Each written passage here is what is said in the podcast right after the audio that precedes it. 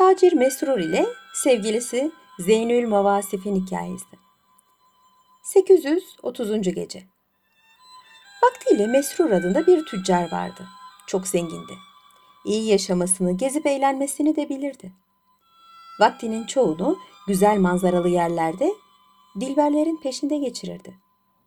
Bir gün bu hovarda ve çapkın tüccar rüyasında cennet gibi bir bahçede dolaştığını gördü. Bu bahçede dört güzel cins kuş dolaşıyordu. Bu hayvanların birisi çok sevimliydi. Bembeyaz tüyleri vardı.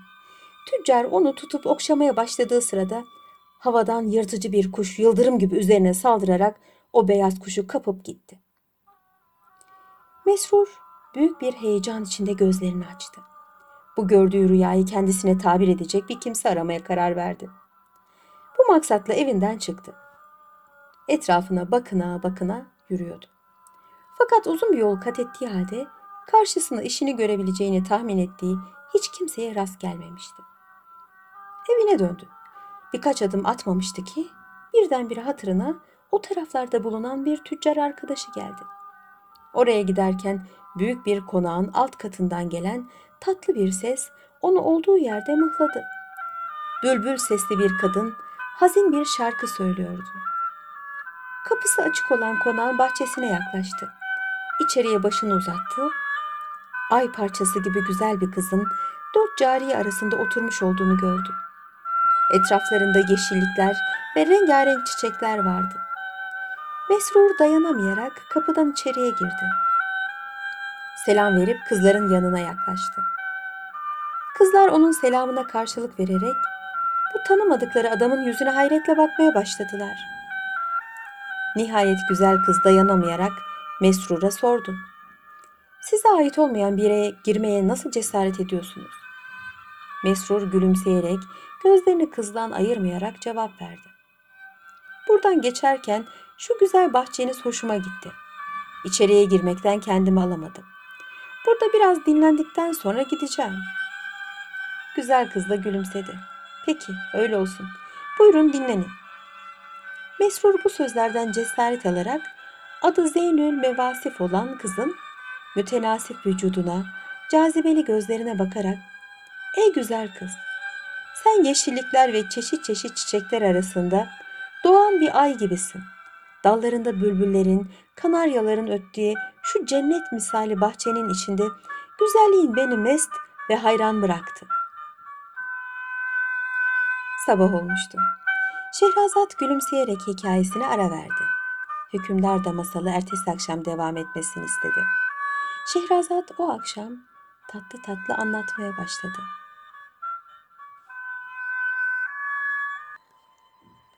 ...831. Gece Zeynül Mevasif, genç tacirin bu güzel sözlerini büyük bir dikkat ve alakayla dinlemişti. Ona manalı manalı bakarak şu karşılığı verdi. Gözüne kestirdiğin dilbere kavuşmak ümidini besleme. Gözlerim nice sevdalıyı peşinden sürüklemiş fakat hiçbirisine yüz vermemiştir. Bu sözleri işiten Mesrur, maksadına ancak zamanla erişeceğini anladı. Zeynül Mevasif'i kendine bağlamak için lazım geleni yapmaya karar verdi. Havanın kararmak üzere olduğu halde Mesrur'un kalkıp gitmediğini gören Zeynel Mevasif ona bir tanrı misafiri gibi muamele etmekten başka çare bulamadı.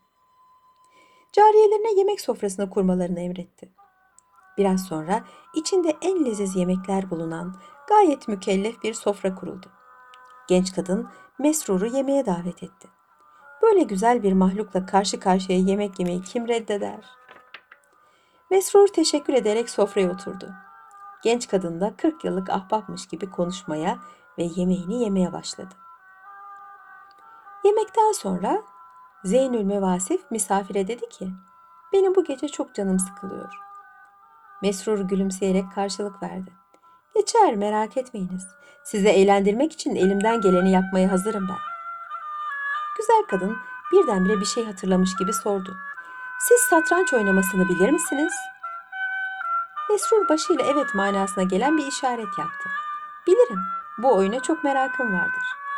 Bunun üzerine Zeynül Mevasif başucunda duran cariyelerine bir işaret verdi. Derhal fil dişinden yapılmış bir satranç masası ortaya geldi. Genç kadın gümüş ve altından mamul ve kıymetli taşlarla süslenmiş olan şah, vezir, asker, kale, at şeklindeki oyun aletlerini çıkarıp yerlerine dizdi. Yine sabah oluyordu. Hükümdar masalı ertesi akşam devam edilmesini istedi. Şehrazat da yarıda bıraktığı masalını ertesi akşam şöyle devam etti. 832. gece. Biraz sonra Mesrur'la Zeynül Mevasif oyun masasının başına geçmişlerdi. Genç kadın misafirinin yüzüne bakarak hangi taşları istiyorsunuz altınları mı gümüşleri mi diye sorunca Mesrur muhatabına manalı manalı baktı. Siz güzelsiniz. Altın taşları alınız. Onlar size daha iyi yakışır. Zeynül Mevasif bu iltifata ehemmiyet vermeyerek oyuna başladı. Mesrur da onu takip etti. Fakat o oyundan ziyade karşısında duran Dilber'in beyaz ellerine, düzgün parmaklarına bakıyordu. Çok geçmeden Zeynül Mevasif hasmına şahını göstererek ''Şahınız öldü, oyunu kaybettiniz.'' dedi. Mesrur birdenbire kendini toparladı. Çok iyi bildiği bu oyunda ne çabuk mağlup olduğunu hayret etti. Taşları yerli yerine koyarken kendisini adam akıllı abayı yaktığını anlayan genç kadın ''Ben artık boşuna oynamam. Yenilirsen bana on altın vermek, yendiğin takdirde de benden bir şey almamak şartıyla oynarım.'' dedi. Sonra da Mesrur'un gözlerinin içine bakarak ilave etti. Bu şartımı kabul ettiğin takdirde sözünü tutacağına dair yemin etmeni de isterim. Artık nasıl olsa yenilmeyeceğine kani olan Mesrur bu teklifi kabul edip yemin de etti. Bunun üzerine oyuna başladılar. Bir aralık yenilir gibi olan genç kadın birdenbire başındaki ipekli örtüyü attı, beyaz kollarını sıvadı. Şehrazat bu meraklı hikayesini burada kesmek zorunda kaldı. Çünkü artık sabah olmuştu. Hükümdarın isteği üzerine ertesi gece sözlerine şöyle devam etti.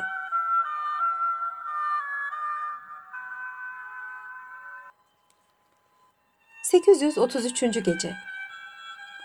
Gören Mesrur oyununu şaşırdı. Elleri titremeye başladı. Biraz sonra şahının tehlikede olduğunu fark etti. Fakat ne çare ki iş işten geçmiş ve partiyi kaybetmişti. İçini çekerek Güzelliğiniz beni şaşırttı. Mağlubiyeti hak ettim dedi ve kesesinin ağzını açıp Zeynül Mevasif'e on altın verdi. Böylelikle birkaç defa oynadılar. Mesrur her seferinde mağlup oluyordu. Nihayet Zeynül Mevasif onun için gittikçe eriyip biten genç bir tacire dedi ki Anlıyorum ki bana aşık oldun. Fakat şunu bilmelisin ki sen beni satrançta yenmedikçe ben senin olamam. Gel son bir defa oynayalım. Beni mağlup edersen senin olurum. Yenilirsen yüz altın verirsin. Mesrur bu teklifi memnuniyetle kabul etti. Lakin muvaffak olamadı. Aynı şartlar dahilinde birkaç defa daha oynadı. Hepsini kaybetti. Nihayet ayağa kalktı. Bunu gören Zeynül Mevasif sordu. Niye kalktın? Mesrur içini çekerek cevap verdi. Bari eve gideyim de para getireyim. Mesrur Zeynül Mevasif'in yanından ayrılarak evine gitti. Mevcut bütün paralarını alıp geldi. Sevdiği kadınla tekrar satranç masasının başına geçti. Sabaha kadar oyun devam etti. Mesrur'un şaşkın bakışları altında her şey değişmişti.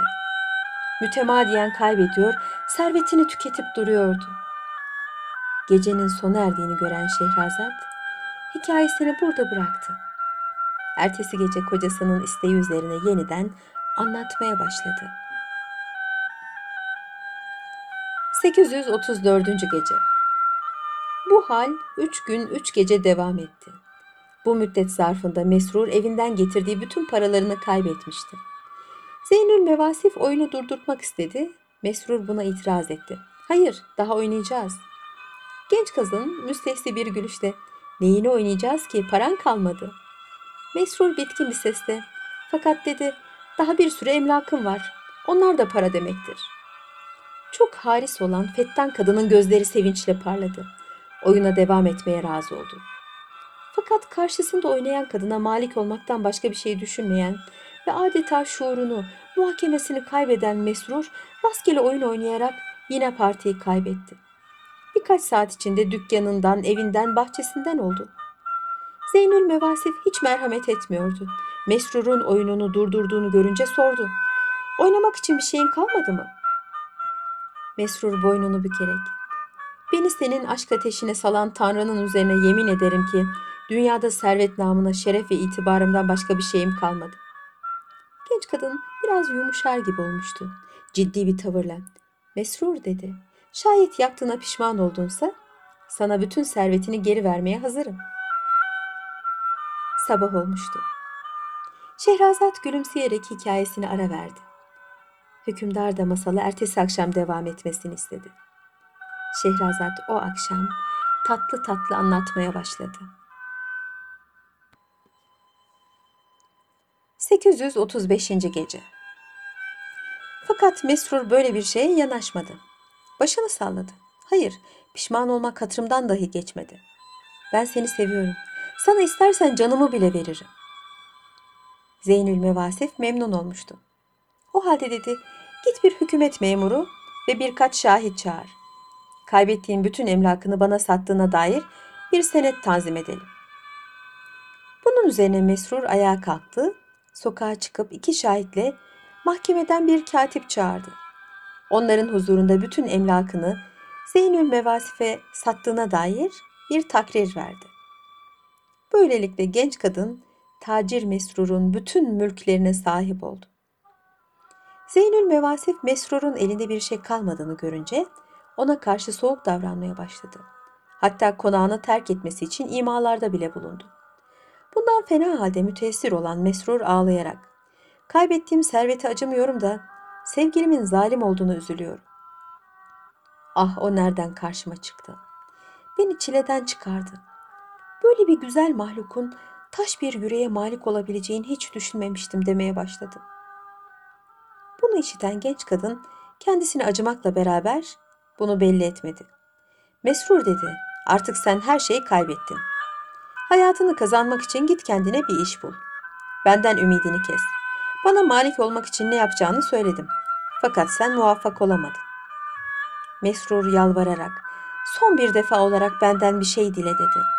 Ben her ne kadar servetimi ve mülkümü kaybettiysem de tüccarlar arasındaki itibarım hala bakidir. Zeynül Mevasif bunu işitince, peki dedi.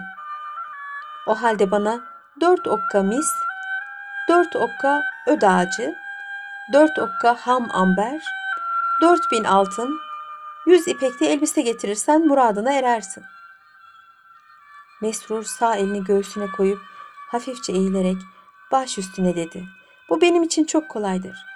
Sana sahip olmak için elimden gelen fedakarlığı esirgemeyeceğim. Yine sabah oluyordu. Hükümdar masala ertesi akşam devam edilmesini istedi. Şehrazat da yarıda bıraktığı masalını ertesi akşam şöyle devam etti. 836. gece. Sevdalı tüccar konaktan ayrıldıktan sonra Zeynül Mevasif hemen Hubub adındaki cariyesini onun peşine taktı. Hakikatten dediği gibi tüccarlar arasında itibar olup olmadığını öğrenmesini tembih etti. Mesrur düşünceli bir halde çarşıda dolaşırken birdenbire sevdiği kadının cariyesinin arkasından geldiğini görünce yüreği hopladı. Cariyeye seslenerek yanına çağırdı ve Hubub dedi. Hayrola neden arkamdan geliyorsun? Mesrur'un halini acıyan ve hanımının kendisine yaptığı haksızlıkları hoş görmeyen cariye ona her şeyi anlattı. Mesrur Hubub'un bu samimiyetine mukabil kendisine hakikati söylemekten çekinmedi. Doğrusu ben Zeynül Mevasif'in istediklerini yerine getirmekten acizim. Onun benden talep ettiği şeyleri almak için çok para lazımdır. Halbuki ben ancak ekmek paramı güç tedarik edecek bir duruma düştüm. Hubub onun sözünü kesti. O halde neden hanıma bunları vaat ettiniz? Mesrur derin bir göğüs geçirerek karşılık verdi.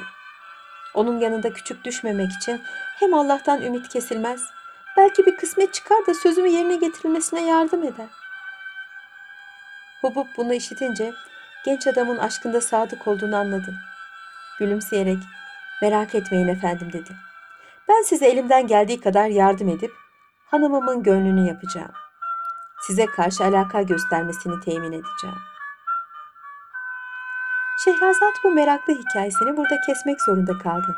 Çünkü artık sabah olmuştu. Hükümdarın isteği üzerine de ertesi gece sözlerine şöyle devam etti.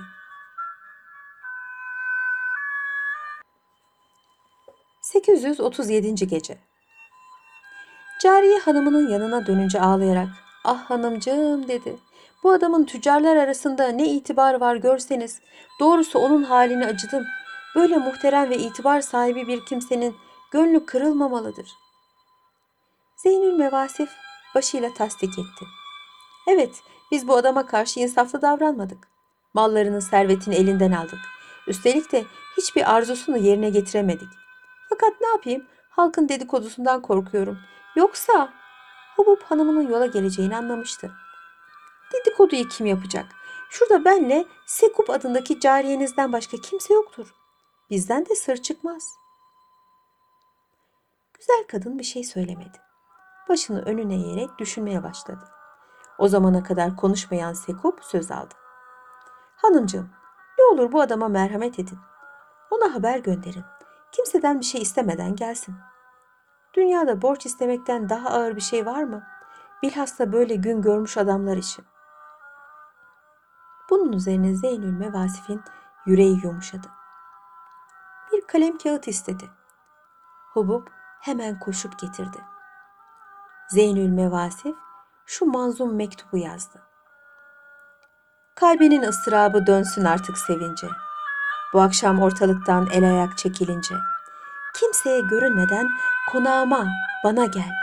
Kalbin sürur içinde, gönlün yana yana gel.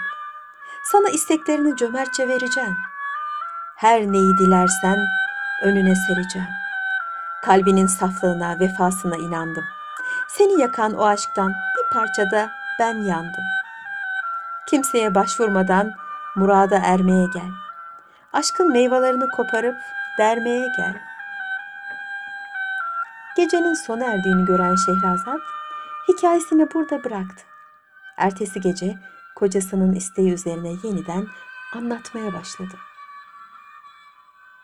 838. Gece Zeynül Mevasif mektubu bitirdikten sonra katlayıp cariyesi Hubub'a verdi ve bunu çabuk tacir Mesrur'a götürmesini emretti. Hubub büyük bir sevinç içinde o sırada bir köşeye çekilmiş ağlamakta olan Mesrur'a mektubu getirdi. Okuyunca çok memnun oldu. Dünya onun olmuş gibi ne yapacağını şaşırdı. Mesrur sevgilisinin gönderdiği mektubu defalarca okuyup öptükten sonra cevabını yazıp Hubub'a verdi. Kendisine teşekkür etti. Zeynül Mevasif Mesrur'un yolladığı cevabı alınca sevindi. Çünkü o da Mesrur'u sevmeye başlamıştı. Bilhassa cariyesi Hubub'un mütemadiyen mertliğinden, güzelliğinden bahsetmesi onun üzerinde iyi tesirler yapmıştı.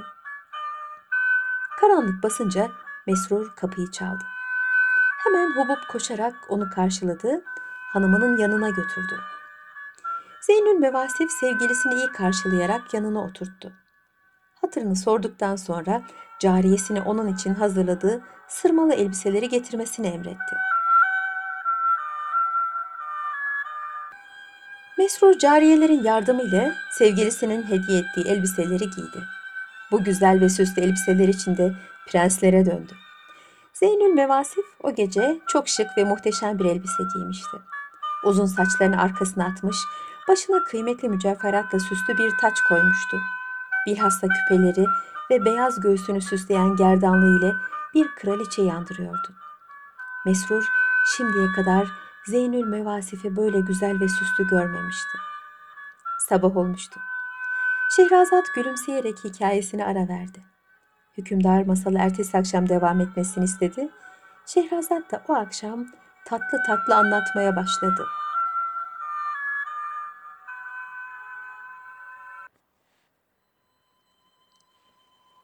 ...839. Gece Biraz sonra cariyelerin kurduğu içki sofrasının başına geçtiler. İçmeye, gülüp eğlenmeye, birbirlerine olan sevgilerini anlatan şiirler okumaya başladılar. Gece yarısına doğru içki sofrası kalktı ve iki aşık baş başa kalarak birbirlerine çektikleri hasreti ateşli buselerle söndürmeye başladılar. Mesrur'dan çok hoşlanan Zeynül Mevasif, ertesi sabah ondan aldığı bütün paraları ve malları iade etti. Ve Mesrur artık dost olduk dedi. Senin paranı, malını hiç yemek doğru olmaz. Ve ellerini boynuna dolayarak ilave etti. Sevgilim, bu akşam da siz de eğleneceğiz. Ona göre hazırlığını yap. Bunun üzerine Mesrur sevgilisinin yanından ayrılarak evine gitti. Dağılan bir kısım uşak ve hizmetçilerini tekrar topladı. Evinin bahçesini bir iki saat içinde temizletti. Bahçedeki kameraya mükellef bir sofra kurdurdu. Güneş battıktan sonra Zeynül Mevasif'le cariyeleri geldiler. Mesrur onları karşılayarak misafir odasına aldı. Yemek zamanı gelince kameriyeye geçtiler. Zeynül Mevasif'in ve Mesrur'un cariyelerinin teşkil ettiği bir saz takımının tatlı ve kıvrak nameleri arasında içki içip eğlenmeye başladılar. Bir aralık aşka gelen Zeynül Mevasif bir ut istedi. Getirdiler. Akordunu yaptıktan sonra gayet yanık bir sesle şu yolda bir türkü okumaya başladı. Örnek alsın aşıklar neşemiz şevkimizden. İçelim, hep içelim, geçelim kendimizden. Çifte kumrular gibi baş başa sarmaş dolaş, içelim, hep içelim, geçelim kendimizden. Mesrur bu türküyü işitince neşeden coştu. Sevgilisinin ut çalan o Yasemin gibi narin ve beyaz ellerini öperek şu mısralarla ona cevap verdi.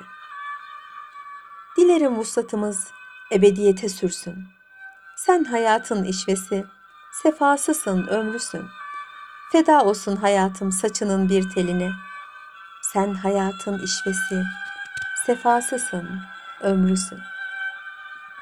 Yine sabah oluyordu. Hükümdar masalı ertesi akşam devam edilmesini istedi. Şehrazat da yarıda bıraktığı masalına ertesi akşam şöyle devam etti.